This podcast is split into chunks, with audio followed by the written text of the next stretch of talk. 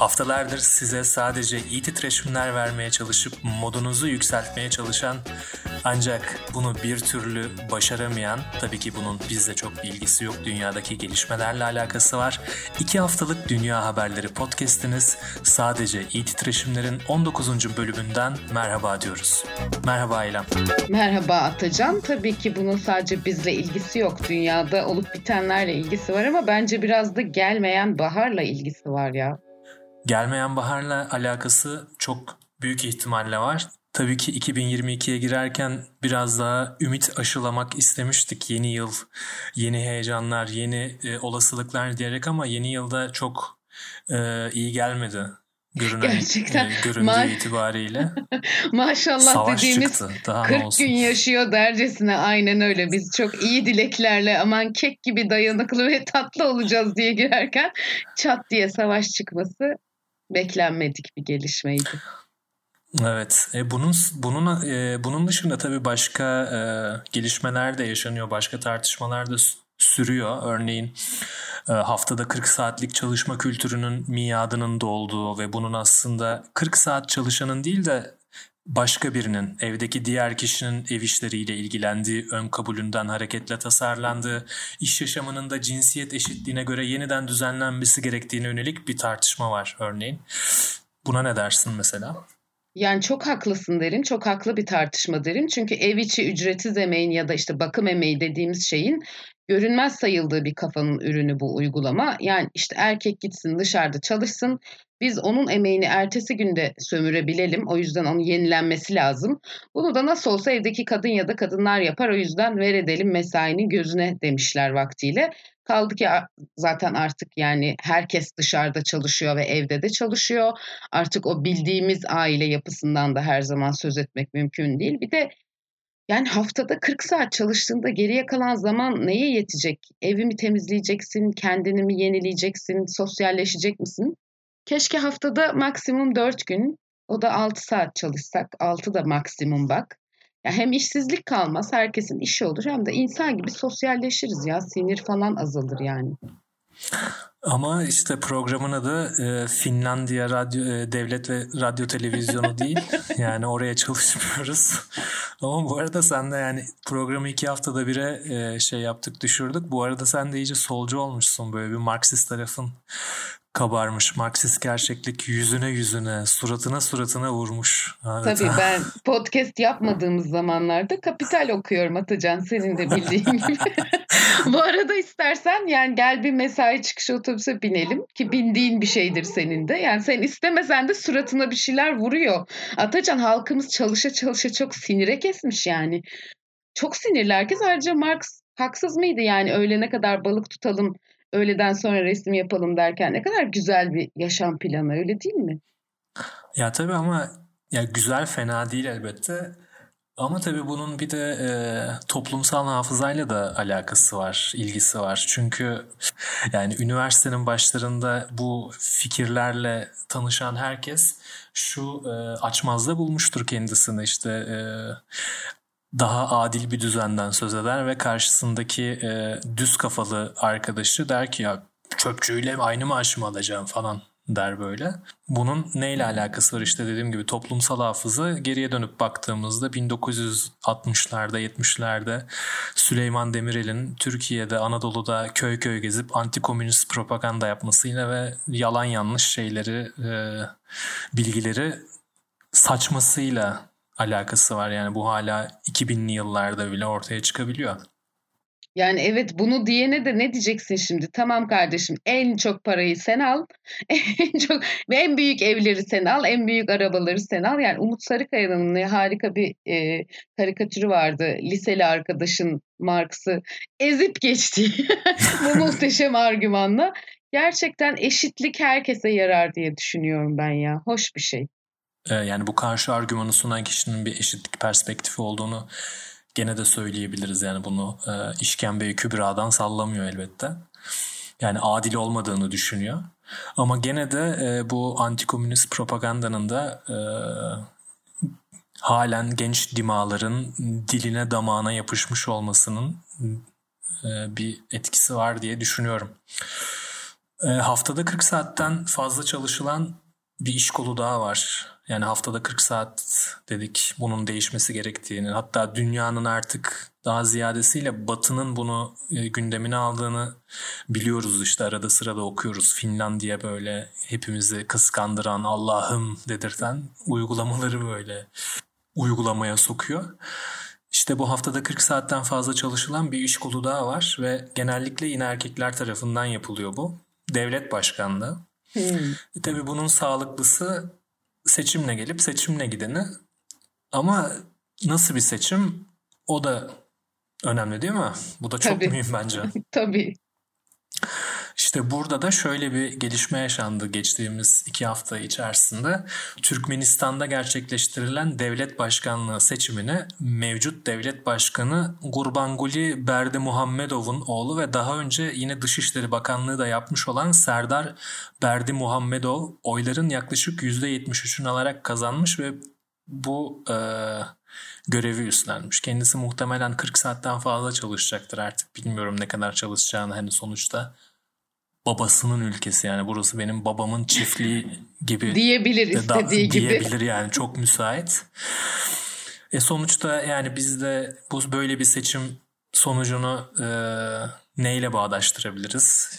Veya önümüzdeki günlerde meclise sunulması beklenen e, Türkiye'deki yeni seçim yasası değişikliğiyle de ilgilendir, e, ilişkilendirebiliriz. E sonuçta biz de Cumhuriyet'ten çiftliğe doğru gidiyoruz yani. TC Hızla değil ilerliyoruz. TC olacak. Vay üç gün düşündüğün şakanı da yaptın. Çok teşekkürler. Rica ederim. Rica ederim.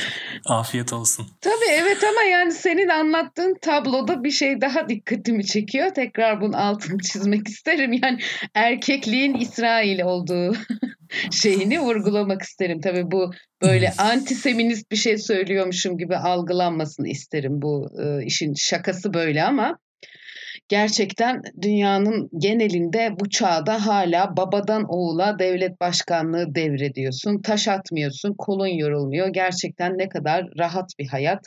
Cinsiyet eşitsizliğini falan niye dert etsin şimdi bu adamlar Atacan? Niye düzenlerini bozsunlar?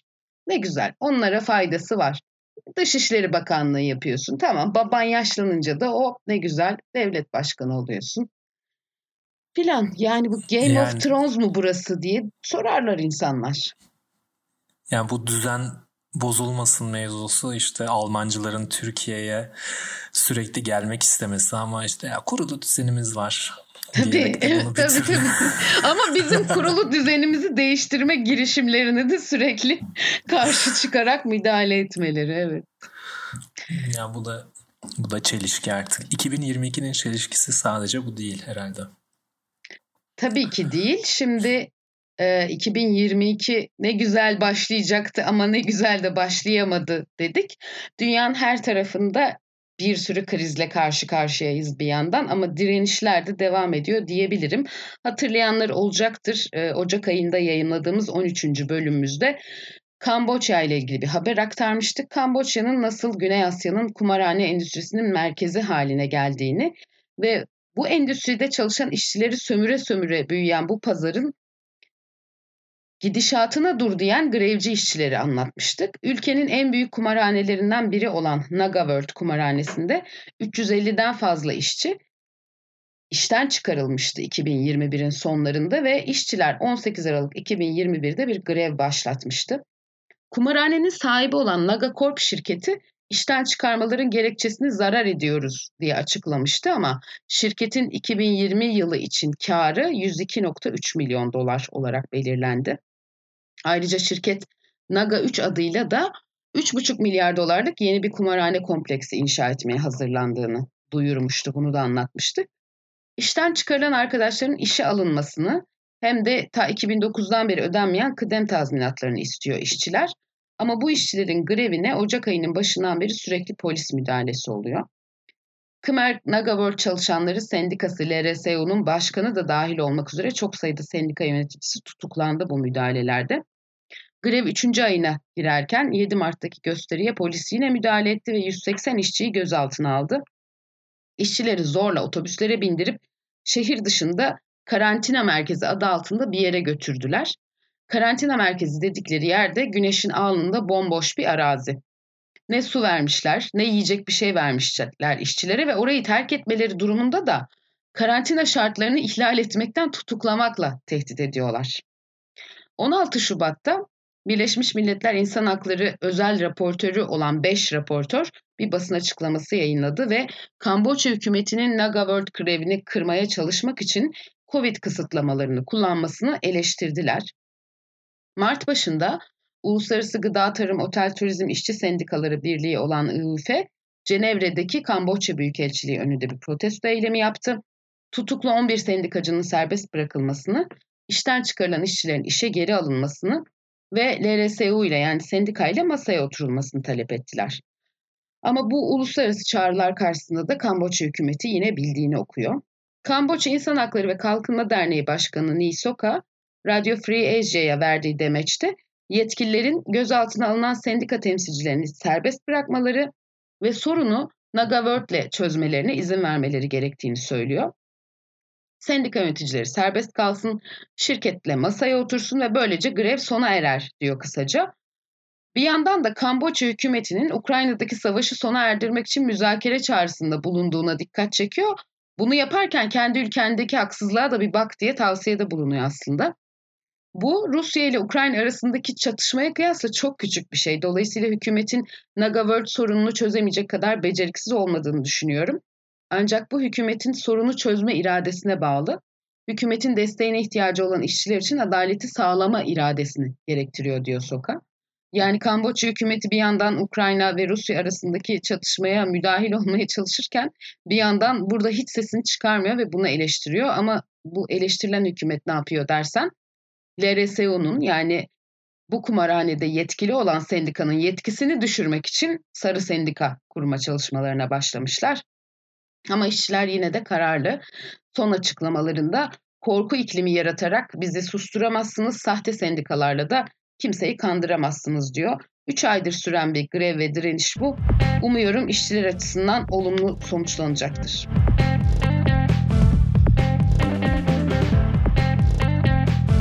Rusya-Ukrayna kriziyle devam edeceğiz şimdi.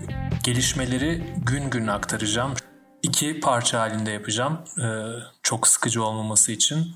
9-10 Mart'la başlıyorum. 9-10 Mart tarihlerinde Mariupol Belediyesi Telegram üzerinden paylaştığı verilerde 9 Mart'a kadar olan 9 günlük Rus işgalinde 1207 sivilin öldüğünü iddia etti. UNICEF ülkelerindeki savaştan kaçan 2 milyon Ukraynalı'nın yarısının çocuk olduğunu açıkladı.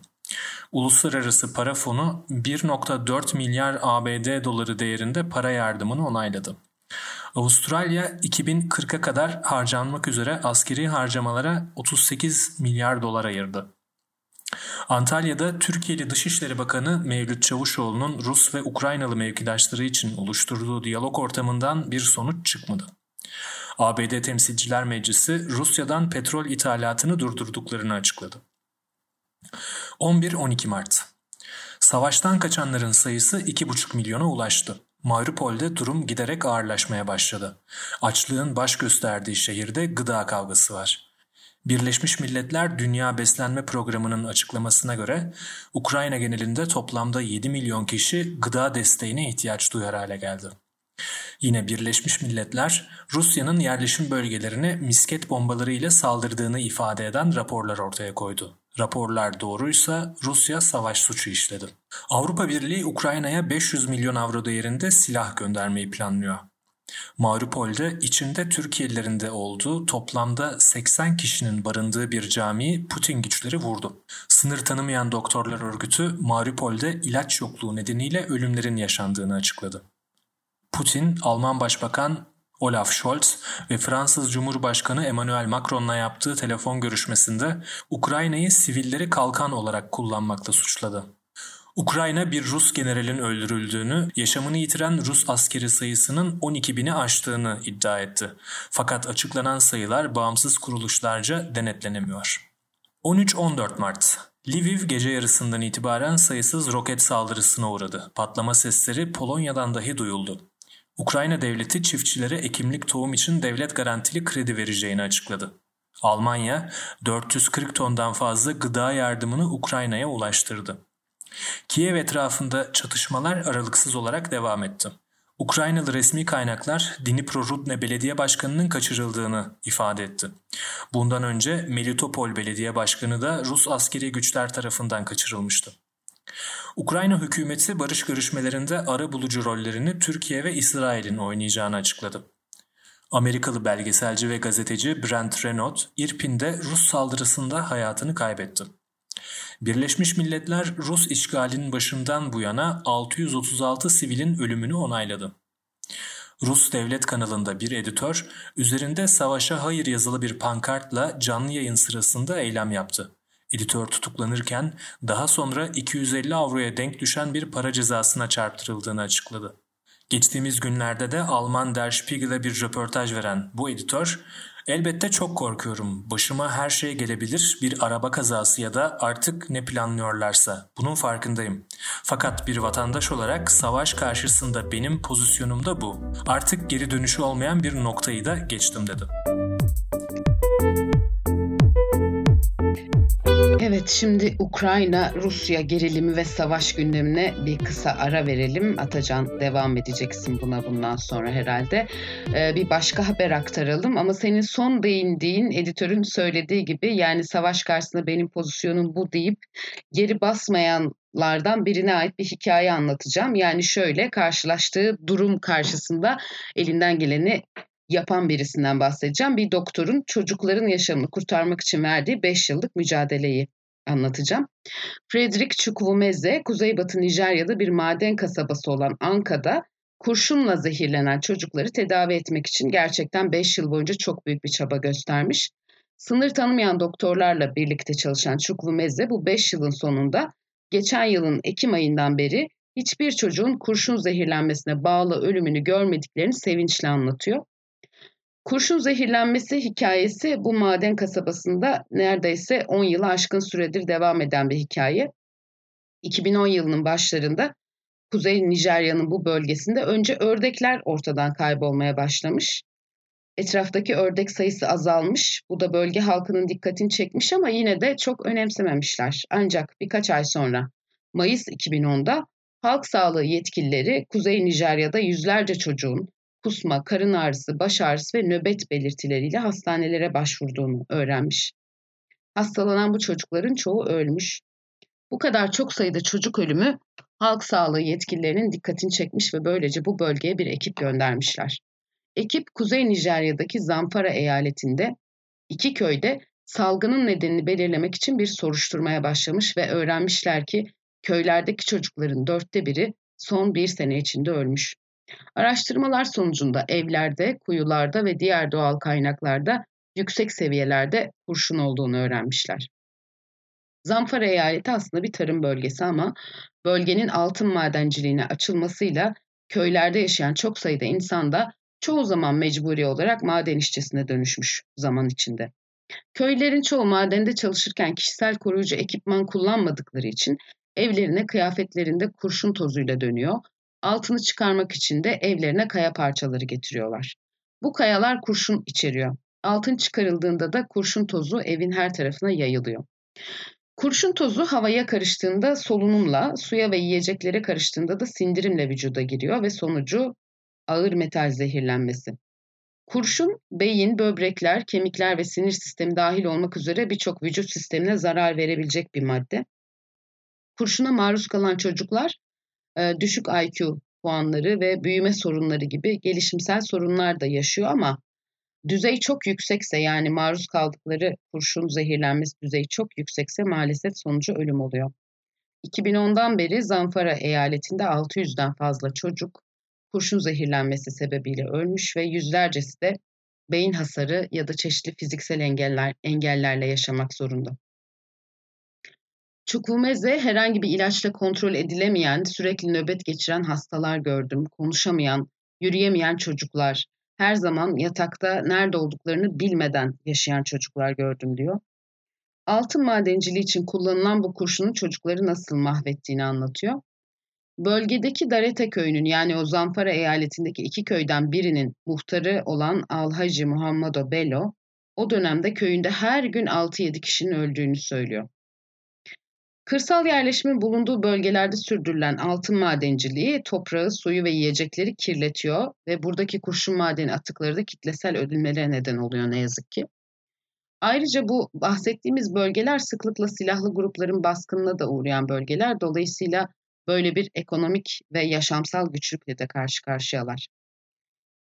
2010'da bu keşiften sonra çocukların tedavisi için bir program başlatılıyor ve 8 binden fazla çocuk taranıyor. Bunların 3500'ü vücutlarındaki kurşun birikintisinden kurtulmak için aylar süren şelasyon tedavisi görüyorlar. Şimdi bölgenin büyük oranda kurşundan temizlendiği, en azından çocukların hayatını tehdit etmeyecek bir durumda olduğu düşünülüyor. Ve daha kontrollü bir madencilik öneriliyor bölgede. Büyük ihtimalle bölgede yaşayanlar, bu köylerde yaşayan kişiler kurşunla zehirlenecek olanlar kendileri olduğu için daha kontrollü ve dikkatli olurlar tabii ama yeryüzünün her noktasını delik delik delmemiz gerektiğini düşünen ve bu bölgelere saldıran şirketler pek de umursamayacaktır başkalarının hayatını. Yine de böyle acı bir durumla karşı karşıya kalan çocukları kurtarmak için çok büyük bir mücadele verilmiş ve bu mücadelenin kesinlikle takdire değer olduğunu düşünüyorum. Elbette insan böyle böyle mücadele hikayelerini duydukça bazen durup kendimize de bakmamız gerekebilir diye düşünüyorum. Ee, şöyle bir e, ekleme yapayım senin haberine. Sen anlatırken şelasyon tedavisi dedin. Şelasyon neymiş diye hızlıca e, Google'da aradım ve şöyle bir tanım çıktı karşıma. Şelasyon kelime anlamı olarak metallerin bağlanarak atılması demekmiş. Şelasyon tedavisi vücutta bulunan ağır metallerin uzaklaştırılması yöntemiymiş ve demir, kurşun, kadmiyum ve civa gibi ağır metaller bu yöntemlerle vücuttan temizlenebilirmiş. Benim gibi şelasyonun ne demek olduğunu bilmeyen dinleyicilerimiz için yaptığım bu hızlı araştırmacı gazetecilik örneği için bir teşekkür edersen ben de rica ederim diyebilirim. Tabii ki teşekkür ederim. Gerçekten her bakımdan dev bir hizmet dev sergiliyorsun bir hizmet. diyebilirim Atacan. Evet e, bu arada yine senin e, iyi niyetinden şüphe etmeden şöyle bir e, küçük düzeltmede ya da iyileştirme diyeyim. Hı hı. E, köylülerin çoğu madende çalışırken kişisel koruyucu ekipman kullanmadıkları için diye ifade ettin sen bunu ama orada muhtemelen e, bu ekipmanlar zaten sağlanmıyordur onlara. Tabii Çünkü tabii kesinlikle haberin, öyle. Haberin devamında e, yani böylesi şirketlerin bunu umursamayacağını zaten söylemiştin.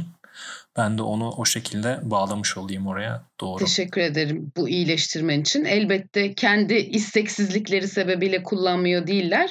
Ya bu ekipmanlar sağlanmıyor, onlara verilmiyor ya da kendileri e, bu girişimlerde bulunuyorken de bu ekipmanları alabilecek güçleri yok zaten. E, e, tabii ki zaten yani e, iş güvenliği bilgisi de işverenin sorumluluğunda. Yani işçiyi koruyarak işe göndermek, çalışmasını sağlamak gerekir.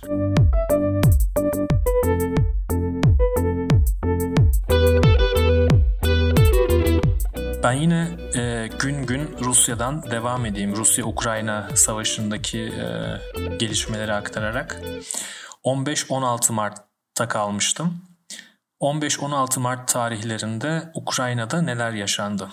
Ee, Ukrayna ordusu yaptığı açıklamaya göre Mariupol şehrini Rus kuşatmasına rağmen savunabildi. Zelenski savaş hukukunu 24 Nisan'a kadar uzattı.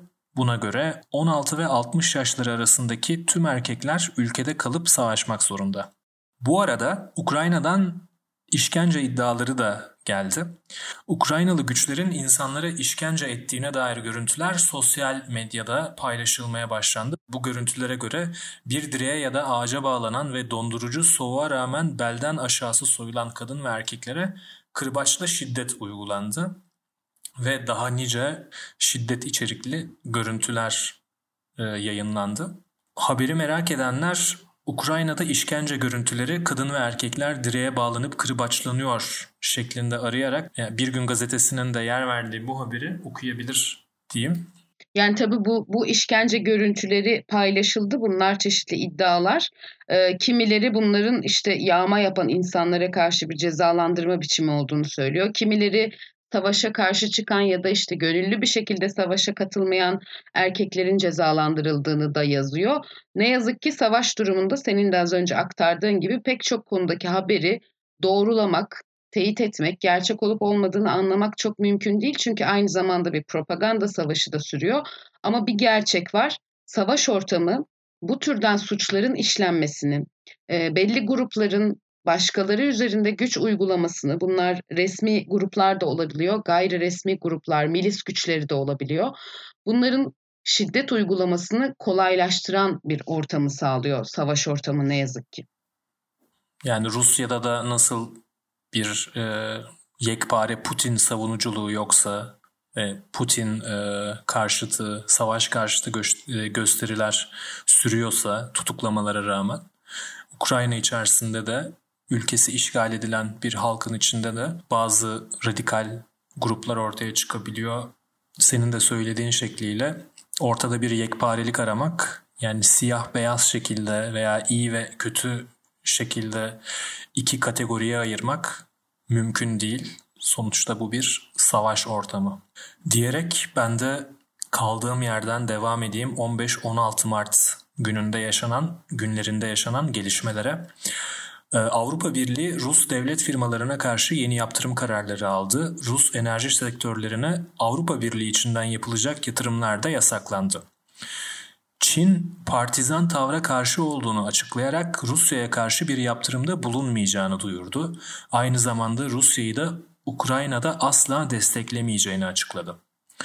Rusya üyeliğinin askıya alındığı Avrupa Konseyi'nden çıktı. Suriye İnsan Hakları Gözlemevi isimli kuruluş, Rusya'nın Suriye'de asker topladığını açıkladı. Buna göre Rusya için Ukrayna'ya gönderilecek 40 bin kişilik bir liste hazırlandı.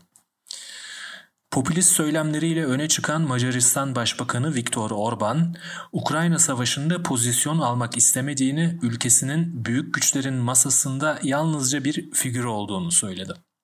Amerika Birleşik Devletleri Başkanı Joe Biden 13.6 milyar dolarlık yardım paketini imzaladı.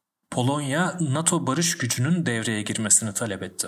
Ukrayna Genelkurmay Başkanlığı Rusya'nın birliklerinin %40'ını kaybettiğini iddia eden bir açıklama yayınladı. İngiliz Savunma Bakanı'ndan da Ruslar büyük kayıp içinde açıklaması geldi. Ancak İngiliz bakan net bir ifadeye yer vermedi.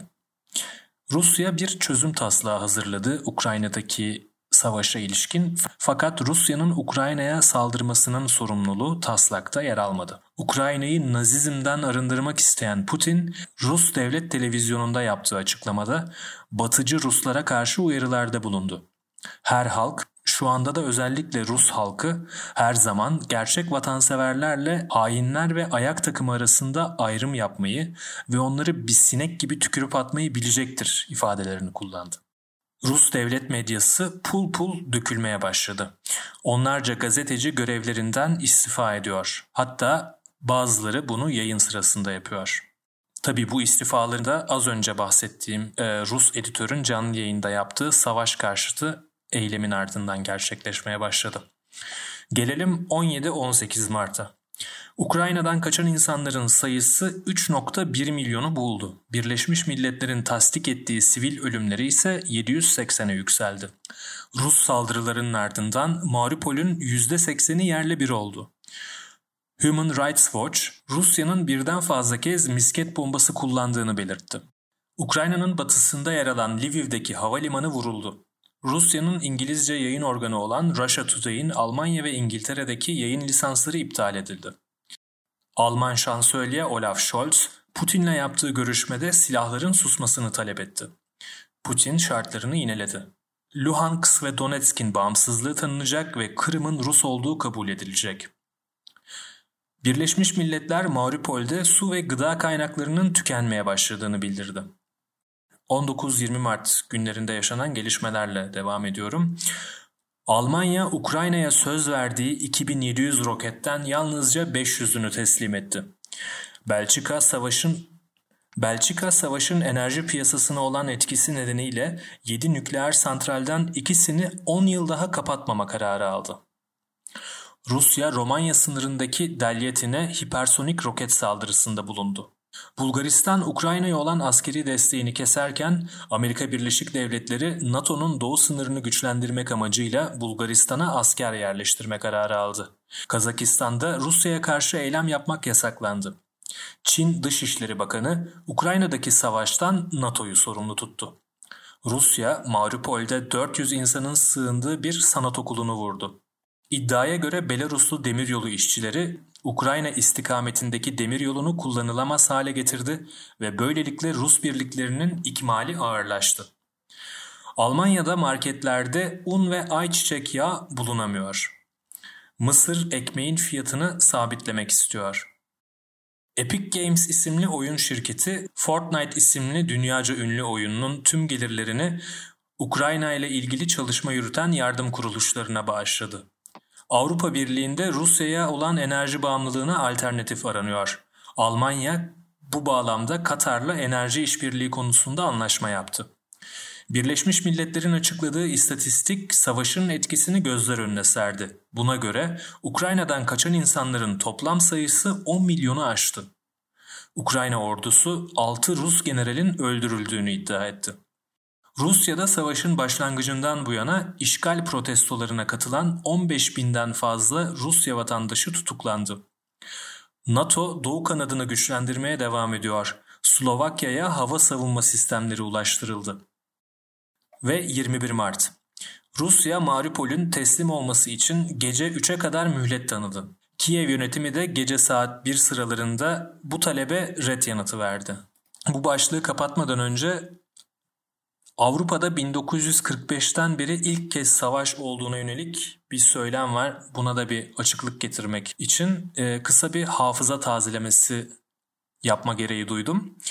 E, buna göre Avrupa sınırları içerisinde kabul edilen 1974 yılında Kıbrıs'ta, 1991 yılında Slovenya'da, 1991-95 yılları arasında Hırvatistan'da, 92 ila 95 yılları arasında Bosna Hersek'te, 94'ten bu yana Çeçenistan'da, 98-99 yıllarında Kosova'da, 2001'de Makedonya'da, 2008'de Gürcistan'da savaşlar yaşandı. Yani 2014'ten bu yana Doğu Ukrayna'da başlayıp bugün Ukrayna'nın tamamına yayılmış bu savaş 1945 yılından bu yana yaşanan Maalesef değil. Son savaş olmasını istesek de olabilecek mi bilmiyoruz. Çünkü dünya ne yazık ki bu çatışmalara çok daha fazla yükleniyor artık bu çağda. Sanıyorum bazılarının daha çok işine geliyor insanlığı bu türden savaşlar ortamında bırakmak. Gelelim son haberimize. Son haberimiz için İngiltere'ye gideceğiz. Cumartesi günü Londra ve Manchester'da büyük protestolar yaşandı. Yüzlerce insan ırkçılığa karşı yürüdü. Bu yürüyüşü başlatan şey ise geçtiğimiz sene Aralık ayında 15 yaşındaki siyahi bir kadın öğrencinin Hackney'deki okuluna gelen polisler tarafından çıplak aranması ve bu olaya dair yakın zamanda yayınlanan bir rapor. Raporda bu genç kadının çıplak aramaya maruz bırakılmasının doğrudan ırkçı bir tutumun sonucunda gerçekleşmiş olduğu ihtimali belirtiliyor. Uyuşturucu araması adı altında polisler tarafından ayrı bir odaya alınan genç kadın regl döneminde olduğu durumda zorla çıplak aranmış. Aralık 2021'deki bu olayla ilgili olarak polis gözlemcisi tarafından 3 polis memuru hakkında soruşturma açılmış ama söz konusu 3 memurun halen görevde olduğu aktarılıyor. Çıplak aramaya zorlanan genç kadının bazı ifadeleri yer aldı gazetelerde. Kendimi güvende hissetmem gereken okula biri girdi, beni koruması gereken insanlardan uzaklaştırdı ve regl dönemindeyken çırılçıplak soydu. Çığlık atmak, bağırmak, ağlamak ya da sadece pes etmek istemeden tek bir gün geçiremiyorum.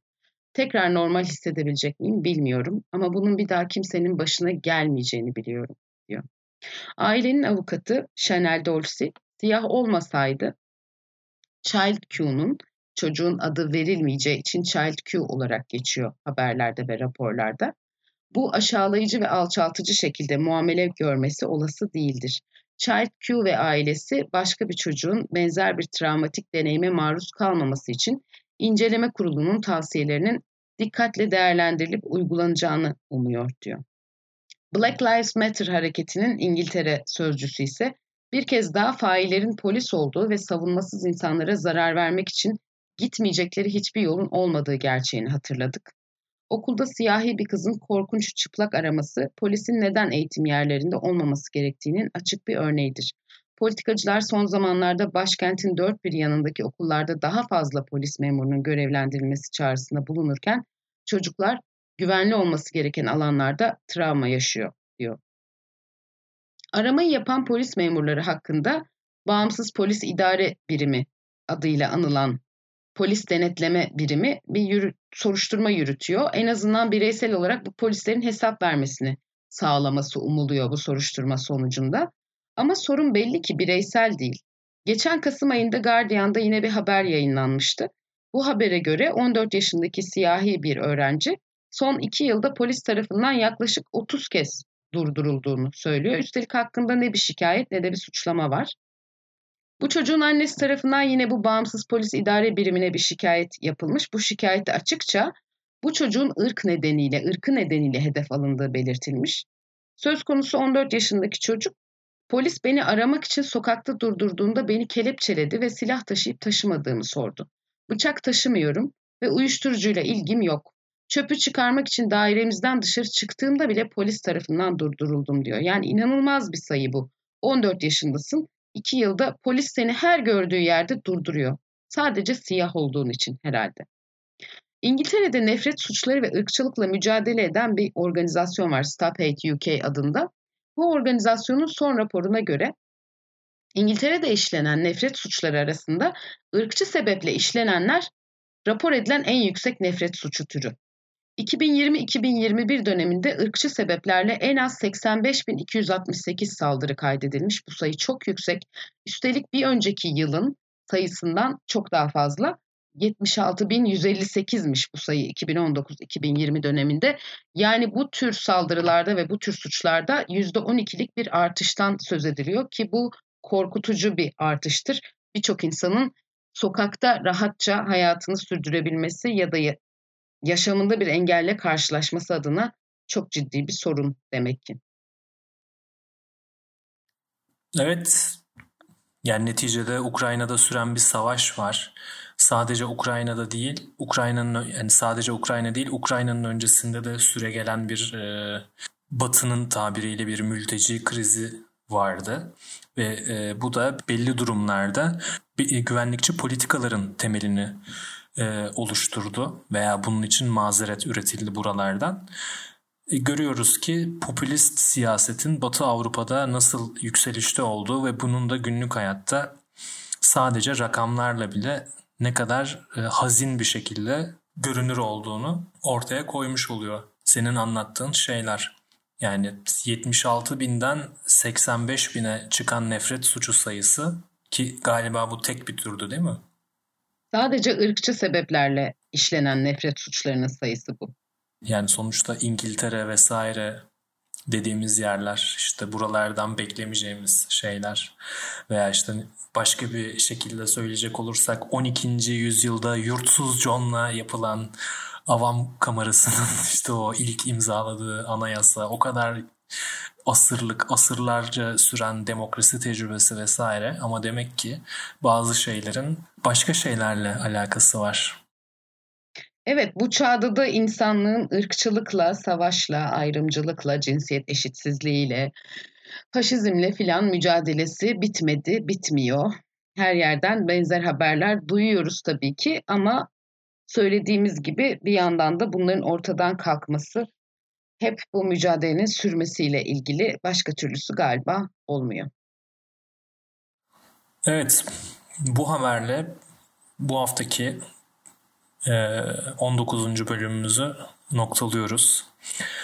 en baştaki tatlı sohbetin için teşekkür ediyorum. Ben teşekkür ederim sevgili Atacan. Yani e, sevgili eylem dost.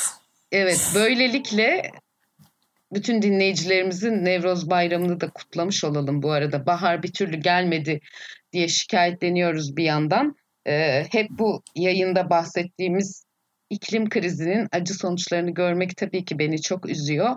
Ama bir taraftan da biraz olsun şöyle motivasyonumuzun artabileceği ve direnme gücümüzün yükseleceği güneşli günleri yakında görmeyi diliyorum. Bu da böyle 60 yaş solcusu şey gibi oldu ama idare O halde ben biraz daha ne derler diverse yapayım.